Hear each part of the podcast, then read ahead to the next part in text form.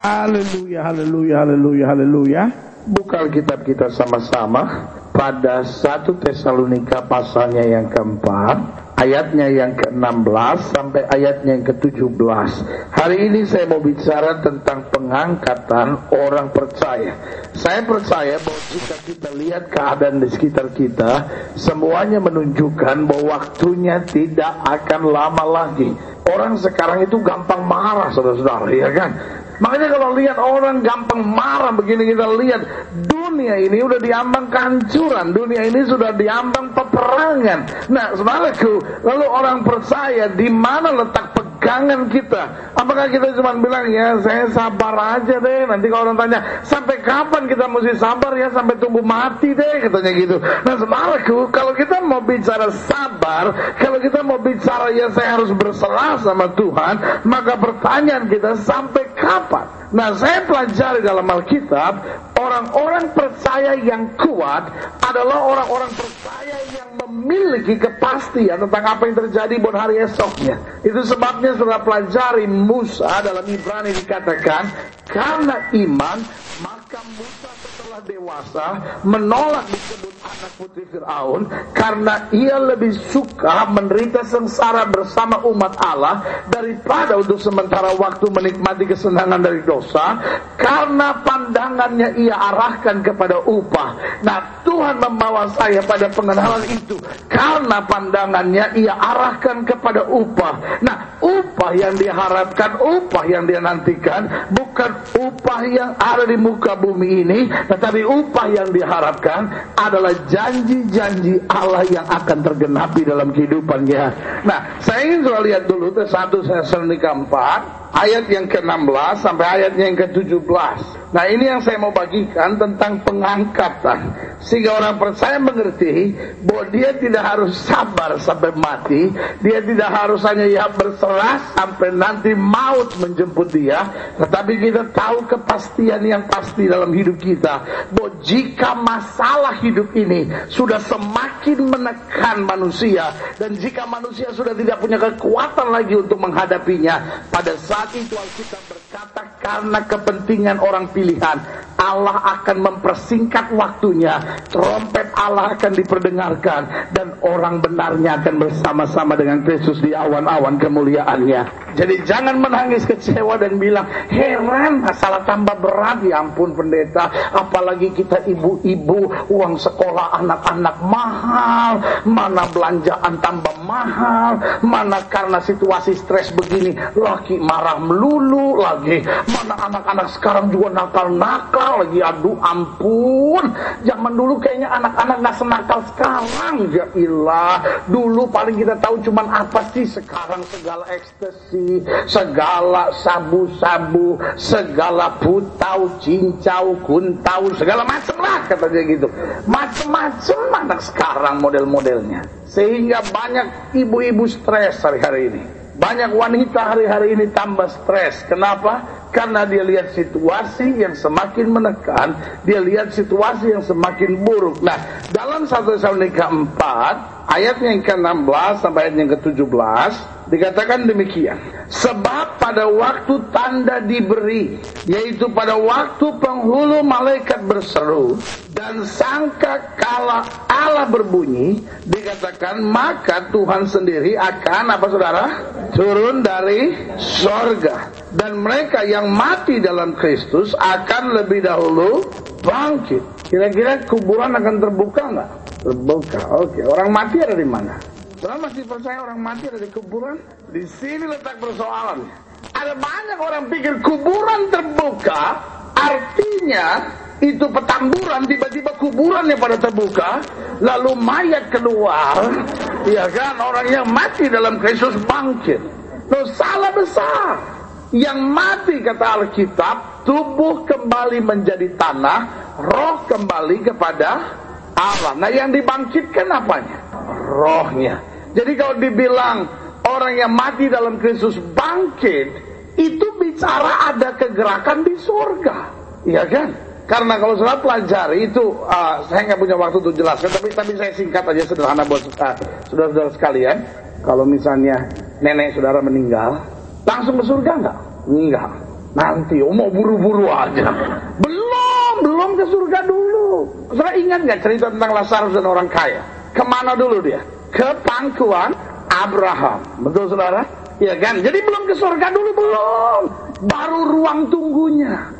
Nanti, nanti setelah pengadilan, masing-masing diberikan mahkota. Ingat ada dua pengadilan. Yang pertama adalah pengadilan tahta putih. Yang tahta putih ini untuk orang-orang yang tidak percaya. Untuk itu genap firman Tuhan dalam Roma 8 pasal 1. Orang yang ada dalam Kristus, dia tidak akan melalui penghukuman. Tapi orang percaya juga akan dihakimi. Dihakimi pada tahta Kristus, kata Alkitab, pengadilan Kristus. Nah, pengadilan Kristus di sini bukan untuk dibuang dibuang ke sorga atau tidak dibuang ke sorga, tetapi untuk menerima mahkota.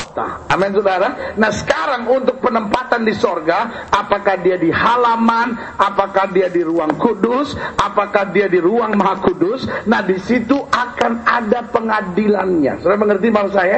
Nah itu kan nanti. Sekarang baru di ruang tunggunya. VIP room. Tetapi karena ruang tunggu sorga, sudah berasa-berasa sorga gitu saudara-saudara ya kan sampai itu orang kaya mak ngiri banget sama Lazarus dia bilang Bapak Abraham izinkan dia mencelupkan ujung jari kakinya kepada lidahku sebab aku sangat kesakitan ingat Orang miskin itu, Lazarus itu kata Alkitab, waktu dia hidup di muka bumi, badannya penuh borok. Saya bisa bayangkan, dia lihat Lazarus sekarang mungkin dia gagah banget Lazarus ya ampun. Ujung jari kaki, ujung jari kaki dah. Sudah mengerti maksud saya? Dia ada di ruang tunggunya sorga. Nah, orang-orang yang berdosa, apakah dia udah masuk neraka hari-hari ini? Belum.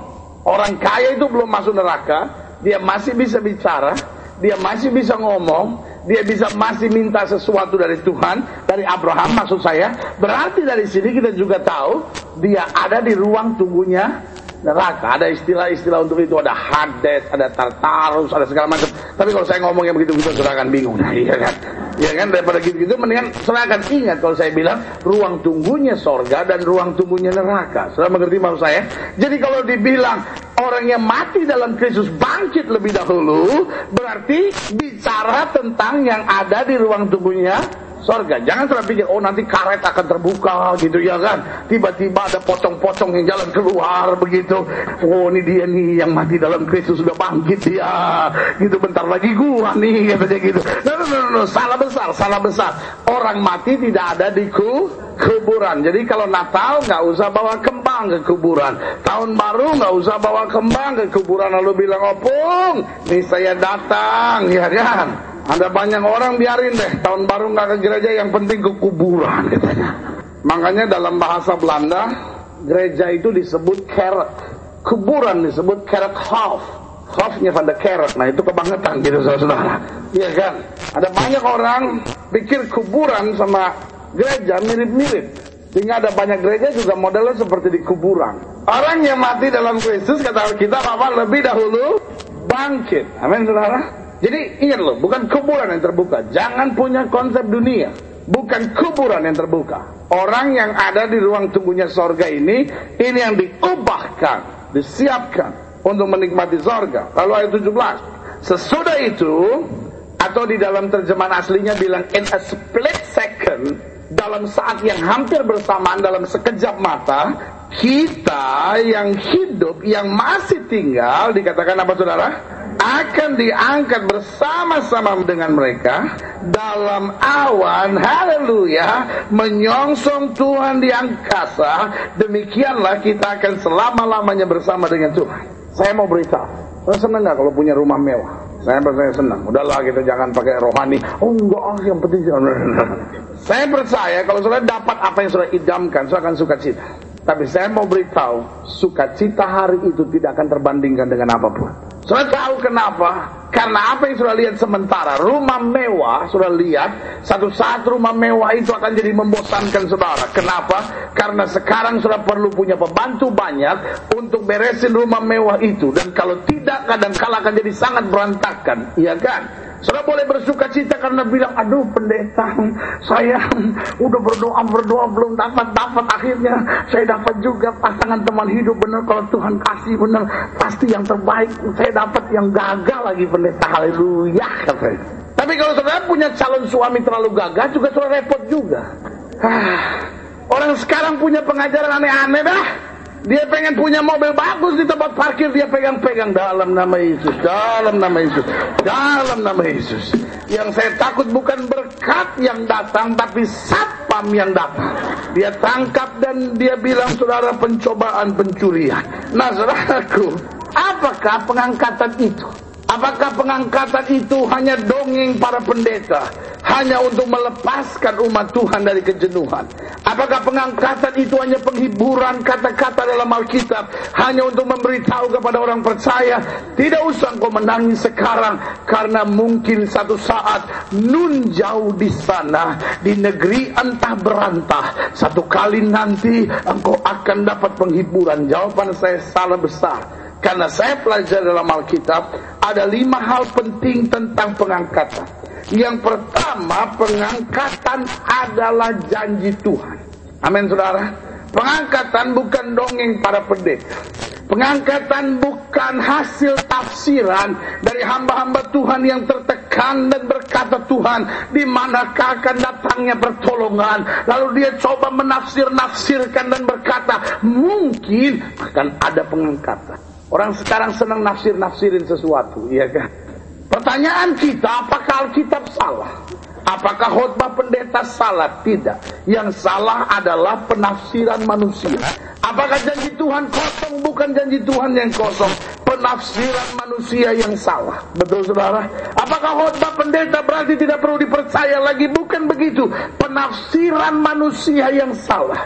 Tapi bicara tentang pengangkatan itu bukan bicara penafsiran manusia.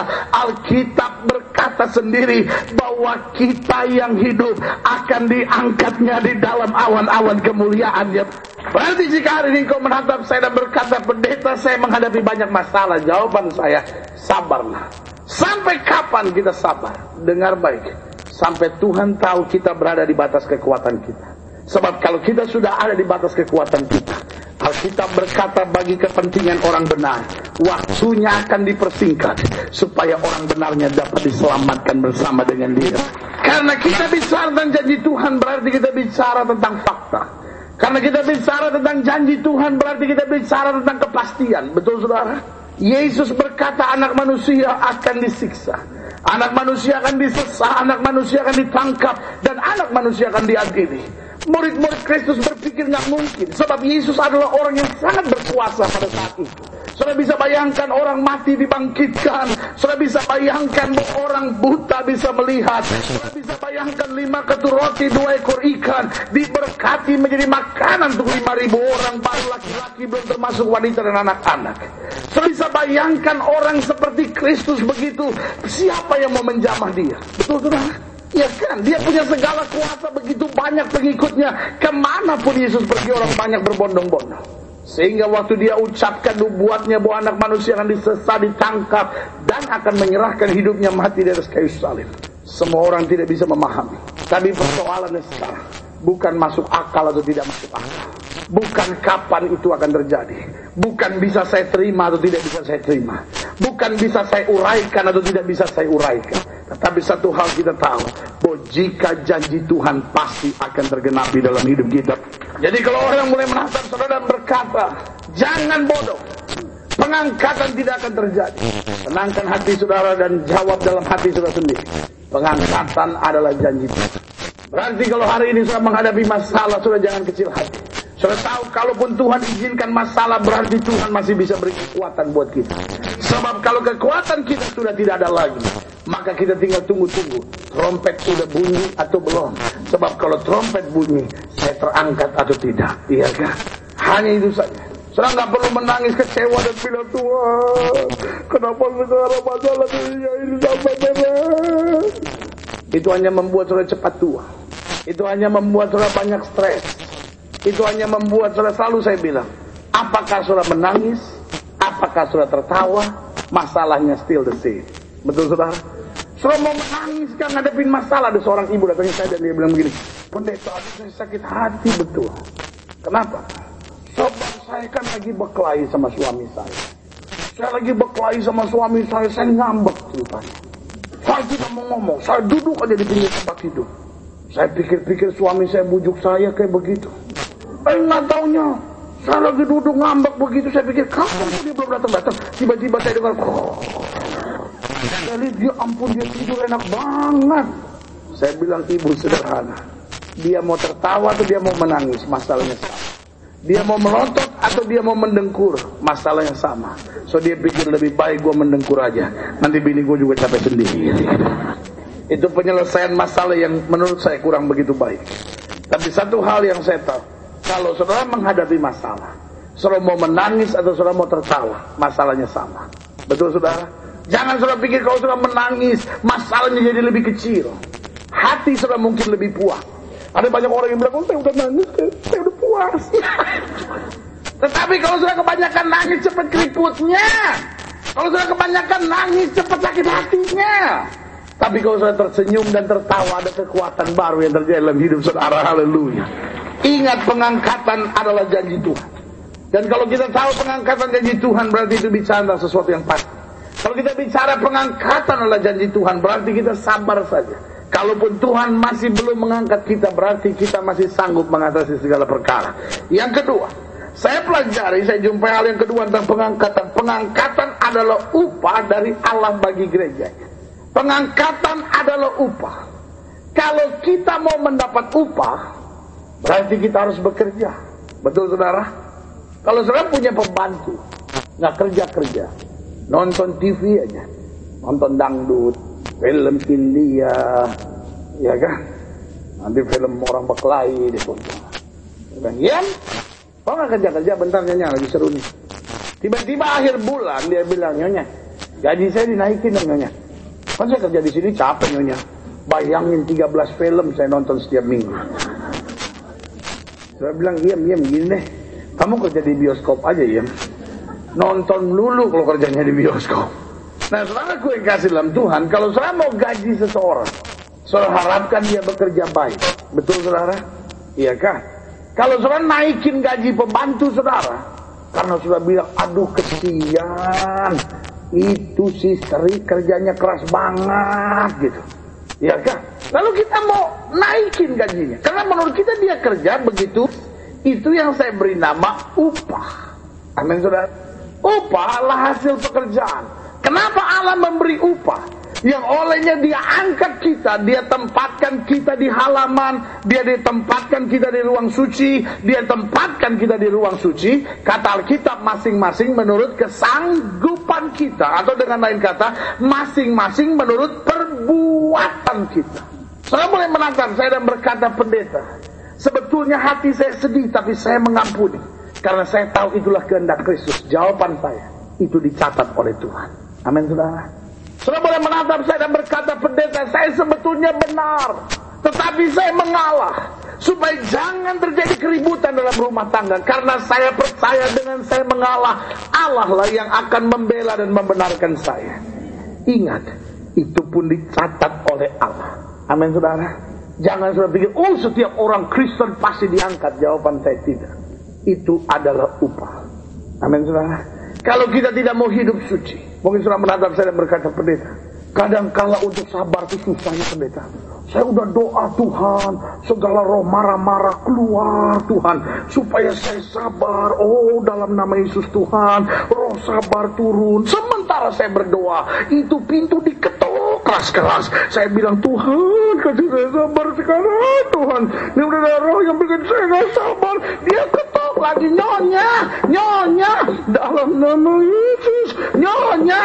Ini apa kamu gak bisa tunggu kan saya lagi berdoa? Baru minta sabar. Udah sabir. Ya kan? Berarti hari ini dengar baik. Pengangkatan adalah upah. Kalau saudara tidak pernah meneteskan air mata dalam perjuangan iman. Jangan harap peristiwa itu terjadi dalam hidup saudara. Jika saudara tidak pernah meneteskan keringat dalam perjuangan iman. Saya beri nama jangan harap peristiwa itu akan terjadi dalam hidup saudara. Jika engkau tidak pernah menyalibkan daging dan segala kesenangannya, jangan harap peristiwa itu akan kau alami. Jika tidak pernah engkau berkata tidak pada kesenanganmu sendiri dan berkata ya pada kehendak Allah, jangan harap peristiwa itu akan terjadi. Tetapi jika hari ini sudah berkata pendeta saya lalui situasi yang sukar, tapi saya tetap bersuka cita. Saya diseret berbuat dosa, saya berkata tidak. Sampai teman-teman saya bilang lu sekarang lain, lu fanatik, lu aneh, lu Kristennya bener, lu hati-hati, lu sesat, lu. Saya tetap setia, saya tetap bertahan, biarin orang mau ngomong apa pun. Saya beri nama, ada sesuatu yang dicatat oleh Allah dan itu akan menjadi upah bagi kita yang percaya. Berikan tepuk tangan. Catat baik-baik. Pengangkatan adalah janji Tuhan. Yang kedua pengangkatan adalah upah dari Allah bagi gerejanya. Yang ketiga pengangkatan adalah penyataan Allah bagi dunia. Bahwa janjinya benar. Orang-orang yang tidak percaya pengangkatan akan berkata buat apa pengangkatan Buat apa pengangkatan? Bukankah mati hidupnya seseorang di dalam tangan Tuhan? Kalau menurut Tuhan sudah waktunya untuk dia kembali kepada Tuhan, apa salahnya? Allah mengangkat dia secara pribadi sehingga tidak perlu akan ada chaos, akan ada akan ada kerusuhan besar. Karena saudara bisa bayangkan kan, hari itu akan menjadi hari kerusuhan besar, betul saudara? Alkitab bilang jika ada dua orang di ladang yang satu diangkat dan yang lain ditinggalkan. Alkitab berkata jika ada dua orang perempuan sedang memutarkan batu kilangan, yang satu diangkat dan yang lain ditinggalkan. Saudara bisa bayangkan berarti jika ada lima orang di mobil, yang satu bernama suami, yang kedua bernama istri, dan tiga orang anaknya. Bisa terjadi dua orang diangkat karena kebetulan dua anak sudah bertobat dan lahir baru. Dua diangkat dan tiga tertinggal. Hari itu adalah hari kekacauan yang sangat besar. Ada banyak orang pikir nggak mungkin Allah akan buat itu. Tapi sekali lagi saya ulangi, kenapa Allah akan buat itu? Pengangkatan adalah penyataan Allah bagi dunia. Bahwa janjinya benar. Alkitab bilang apa? Peristiwa kedatangan Yesus sama seperti peristiwa pada zaman Nuh. Betul saudara? Pada zaman Nuh, Nuh ingatkan berkali-kali. Hujan akan turun. Air bah akan turun. Tapi tidak ada yang mau dengar. Dan waktu hujan betul-betul turun ada kekacauan. Orang lari, orang lari ke mana? Tujuan mereka adalah pergi ke bahteranya Nuh. Orang ketok pintu. Tetapi saya, Nuh mau buka pintu. Tapi pintu itu ditutup oleh tangan Allah sendiri. Dan Alkitab sudah bilang, kalau Allah yang menutup tidak ada lagi yang bisa membuka. Amin saudara. Kenapa Allah izinkan itu saja? Untuk penyataan bagi dunia bahwa janji Allah benar. Banyak orang hari-hari ini boleh menertawakan orang Kristen dan berkata dia mimpi tentang pengangkatan. Dia mimpi tentang mujizat. Dia mimpi tentang peristiwa besar itu. Tapi hari ini saya mau beritahu, itu bukan mimpi. Ada masanya. Allah menyatakan, kuatkan iman saudara. Jangan saudara kecil hati dan lihat keadaan di sekitar saudara dan bilang, kenapa ya terus kekristenan melalui banyak masalah. Kenapa ya orang yang hidup suci kok bebannya semakin berat? Jawaban saya sederhana, kuatkan hati saudara. Ada saatnya bukan manusia. Allah sendiri yang menyatakan kepada dunia bahwa janjinya ya dan amin. Yang keempat, pengangkatan adalah yang pertama sudah saya jelaskan, pengangkatan adalah janji Tuhan. Yang kedua, pengangkatan adalah upah dari Allah bagi gerejanya. Yang ketiga sudah saya jelaskan, pengangkatan adalah penyataan Allah bagi dunia. Bahwa janjinya benar. Yang keempat, saya ingin telah lihat Lukas pasal 17 dulu. Lukas pasal 17. Lukas 17, ini udah saya singgung tadi, ayat 33 ayat 36 saya baca. Barang siapa berusaha memelihara nyawanya, orang yang mau kompromi dengan dunia supaya memelihara nyawanya, memelihara hubungan baik dengan orang lain, memelihara hartanya, memelihara kekayaannya, memelihara hubungannya yang dekat dengan dunia ini, barang siapa berusaha memelihara nyawanya, dikatakan apa saudara? Ia akan kehilangan nyawanya. Ada banyak orang tahu bahwa apa yang dia buat itu kompromi dengan dunia. Tapi dia bilang ini demi hubungan baik. Tetapi dia bilang ini demi prestasi kerja. Tetapi ini supaya saya masih bisa menghidupi anak-anak saya. Tapi Alkitab bilang apa? Barang siapa berusaha memelihara nyawanya, ia akan kehilangan nyawanya. Dan barang siapa kehilangan nyawanya atau dalam terjemahan lain dikatakan barang siapa kehilangan nyawanya karena Kristus ia akan menyelamatkannya dalam terjemahan lain dikatakan barang siapa yang rela kehilangan nyawanya ia justru akan mendapatkannya aku berkata kepadamu pada malam itu ada dua orang di atas satu tempat tidur suami dan istri yang seorang akan dibawa dan yang lain akan ditinggalkan ada dua orang perempuan bersama-sama menghilang, bukan menghilang ini menghilang, jadi memutar batu kilangan. Yang seorang akan dibawa dan yang lain akan ditinggalkan. Kalau ada dua orang di ladang, yang seorang akan dibawa dan yang lain akan ditinggalkan. Kata mereka kepada Yesus, di mana Tuhan? Katanya kepada mereka, di mana ada mayat, di situ berkerumun burung nasa. Berarti akan ada kematian, akan ada siksaan, akan ada tangisan, akan ada penderitaan. Ayat yang ke-29 menjelaskan, dikatakan, tetapi pada hari Lot pergi keluar dari Sodom, dikatakan apa saudara? Turunlah hujan api dan hujan belerang dari langit dan membinasakan mereka semua. Berarti hal yang keempat, pengangkatan adalah saat Tuhan menghukum dunia. Pengangkatan adalah saat Allah menghukum dunia. Ada banyak orang pikir kenapa perlu ada pengangkatan? Karena itu adalah masa Allah menghukum dunia. Dunia ini kata Alkitab tersimpan di dalam api oleh karena firman. Berarti dengan lain kata penghukuman sudah seharusnya terjadi, tetapi karena ada orang benar di dalamnya, maka dunia ini masih terpelihara. Ada masanya. Enough is enough. Ada masanya. Kasih Tuhan selesai. Karena apa? Karena kasih Allah bukan kasih yang dapat dipermainkan.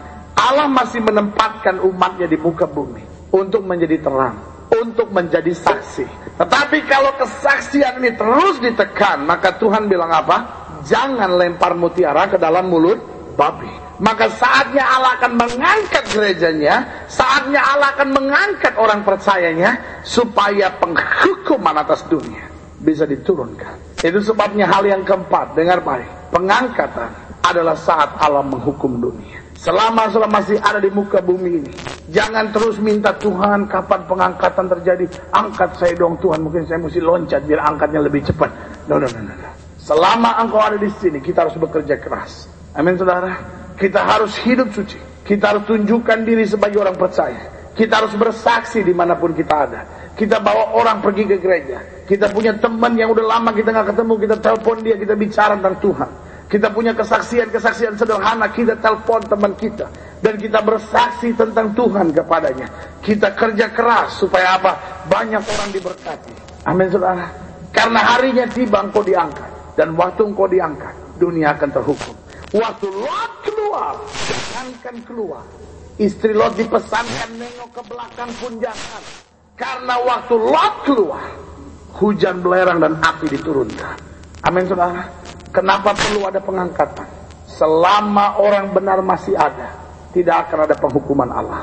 Tetapi pada saat orang benar diangkat, di situlah bumi akan dinyatakan penghukuman Allah. Antikris akan berkuasa. Alkitab bilang tidak ada orang yang bisa membeli dan menjual. Tetapi umat yang mengenal Allahnya kata Alkitab akan tetap kuat dan bertindak. Yang kelima, yang terakhir. Jadi ingat yang pertama pengangkatan adalah janji Tuhan. Itu pasti. Itu fakta. Itu sesuatu yang tidak bisa diubah. Mengerti atau tidak mengerti, bisa terima atau tidak bisa terima. Saya faham atau saya tidak faham, saya bisa uraikan atau saya tidak bisa uraikan. Pengangkatan adalah janji Tuhan. Cepat atau lambat pasti akan terjadi. Pada saat apa? Pada saat orang benar dalam tekanan yang besar dan sudah tidak bisa berbuat apa-apa lagi. Alkitab berkata waktunya akan dipersempit bagi orang pilihannya. Dan trompet Allah akan berbunyi. Dan orang benar akan hidup bersama-sama dengan dia. Yang kedua, pengangkatan adalah upah bagi Allah. Upah dari Allah bagi gerejanya. Berarti tanpa kerja keras, jangan harap peristiwa itu menimpa kita. Jangan harap peristiwa itu terjadi dalam hidup kita. Sudah boleh bilang sama saya, tapi saya Kristen. Tapi itu adalah upah. Yang ketiga, pengangkatan Allah, penyataan Allah bagi dunia. Bahwa janjinya benar. Biarkan orang dunia menertawakanmu. Biarkan orang dunia mengejekmu. Biarkan orang dunia mengolok-olok engkau. Tetap nyatakan kasih. Kenapa? Harinya akan tiba. Allah sendiri yang akan membuktikan bahwa janjinya benar. Yang keempat sudah saya jelaskan bahwa pengangkatan adalah saat Tuhan untuk menghukum dunia. Yang terakhir yang kelima, pengangkatan adalah persiapan bagi gereja Tuhan untuk memerintah bersama dengan Kristus. Kalau saudara tanya sama saya, pendeta, kan pengangkatan terjadi sebelum masa aniaya. Selalu saya bilang bahwa akhir zaman dibagi dalam tiga bagian yang besar. Yang pertama, kata Alkitab adalah masa yang sukar. Kalau saya tanya sama saya masa yang sukar berapa lama, Alkitab tidak menjelaskan. Alkitab cuma bilang pada saat terakhir akan datang masa yang sukar. Yesus berkata sebelum anak manusia datang kembali akan ada kesukaran. Yesus berkata jika anak manusia datang kembali masihkah dijumpai iman. Tadi sudah saya bilang pengangkatan itu adalah upah. Apa bukti upah kita adalah iman. Sebab waktu anak manusia datang kembali, hanya orang-orang yang masih hidup dalam iman yang akan diangkat bersama dengan Kristus. Akan ada masa yang sukar. Nah setelah masa yang sukar akan ada masa aniaya. Masa aniaya Alkitab jelas bilang akan ada tiga setengah tahun. Dan setelah masa tiga setengah tahun, ada lagi masa tiga setengah tahun yang kedua, yaitu masa antikris. Nah semuanya ini, masa aniaya dan masa antikris ini, kata Alkitab adalah tujuh tahun, tujuh tahun masa sengsara. Nah, saudara yang kasih dalam Tuhan, sebagian sudah mungkin bertanya, selama tujuh tahun kita diangkat, kita ngapain di situ? Selama tujuh tahun kita diangkat, kita ngapain di situ? Itu yang saya bilang ada dua hal penting yang akan terjadi. Yang pertama adalah pesta perkawinan anak domba. Saudara ingat cerita tentang lima gadis bodoh dan lima gadis bijaksana? Alkitab berkata, pintu ditutup. Mereka sudah dihukum belum yang lima gadis bodoh? Belum. Mereka masih teriak, bukakan kami pintu. Tetapi mereka tidak bisa karena ada apa? Ada pesta. Saudara mengerti? Berarti orang yang diangkat itu akan ada dalam pesta perjamuan anak domba.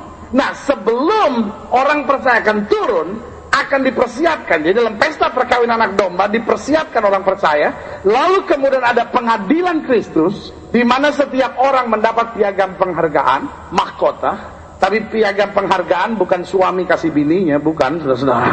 Seperti yang sekarang kita lihat, ya kan? Suami kasih bininya, katanya gitu. Wah, Ibu-ibu juga mesti dapat piagam penghargaan dong kalau begitu ya kan? Ya sebab dia mendampingi saya dalam susah maupun senang katanya gitu. Ya memang udah mestinya itu mah itu perlunya bini saudara-saudara ya kan? Nggak perlu dapat penghargaan juga ibu-ibu mau setia ya kan? Memangnya ibu-ibu mau setia cuma kalau ada penghargaan. Nah ini piagam penghargaannya mahkota yang diberikan memang berdasarkan upah bukan koncoisme lagi saudara-saudara ya kan? Nggak ada ini karena teman baik. Nggak ada cerita gitu. Masing-masing harus berdiri sendiri. Terus saudara, amin. Saya boleh menantang saya dan bilang pendeta. Tapi opa saya dulu pendeta loh. Iya, opa sudah apa? Ya kan? Saudara nggak bisa jadi cucunya Allah. Semua harus jadi anak Allah, ya kan? Habis ada pesta perkawinan dipersiapkan, lalu akan ada apa? Akan ada pembagian mahkota. Kita mau bersama dengan Kristus. Amin, saudara. Sekarang akan ada pembagian pembagian pangkat, mahkota. Karena apa?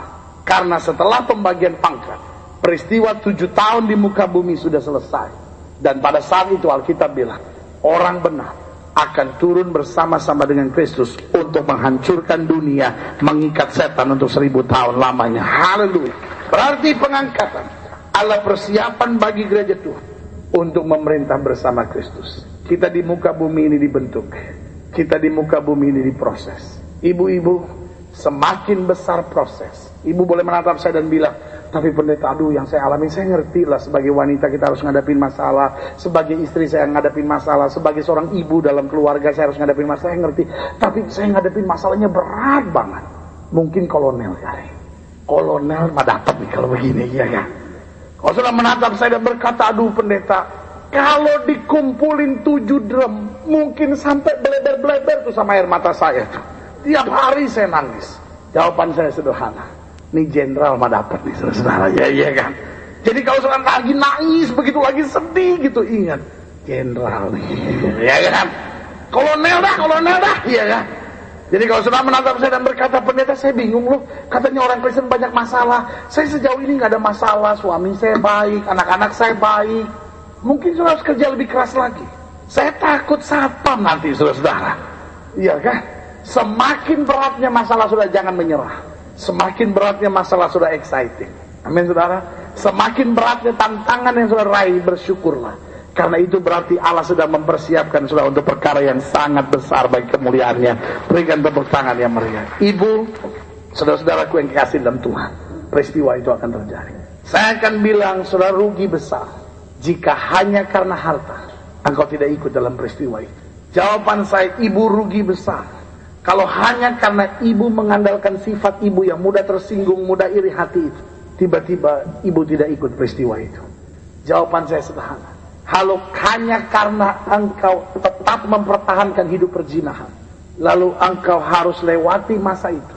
Bagi saya terlalu rugi. Hanya karena engkau takut menangis. Engkau takut menderita. Lalu engkau lewati masalah itu. Masa itu saya beri nama terlalu rugi. Peristiwa itulah peristiwa yang luar biasa. Mungkin engkau berkata hari ini engkau menangis. Mungkin hari ini engkau berkata pendeta saya kehilangan banyak hal hanya karena saya iri Yesus. Jawaban saya is worth it tetap layak, tetap berarti. Kenapa? Karena waktu sudah masuk dalam peristiwa ini, saya percaya. Waktu trompet Allah berbunyi, tidak ada orang percaya yang tertawa. Kalaupun dia tertawa, air matanya tetap mengalir. Betul saudara? Sudah bisa bayangkan, sudah akan lihat Yesus muka dengan muka. Sudah akan tinggalkan tubuh ini. Dan sudah akan masuk dalam tubuh kemuliaan. Sudah akan bilang, Tuhan, walaupun saya korbankan apa pun, saya tidak menyesal. Karena apa yang saya terima terlalu indah dari Tuhan. Amin.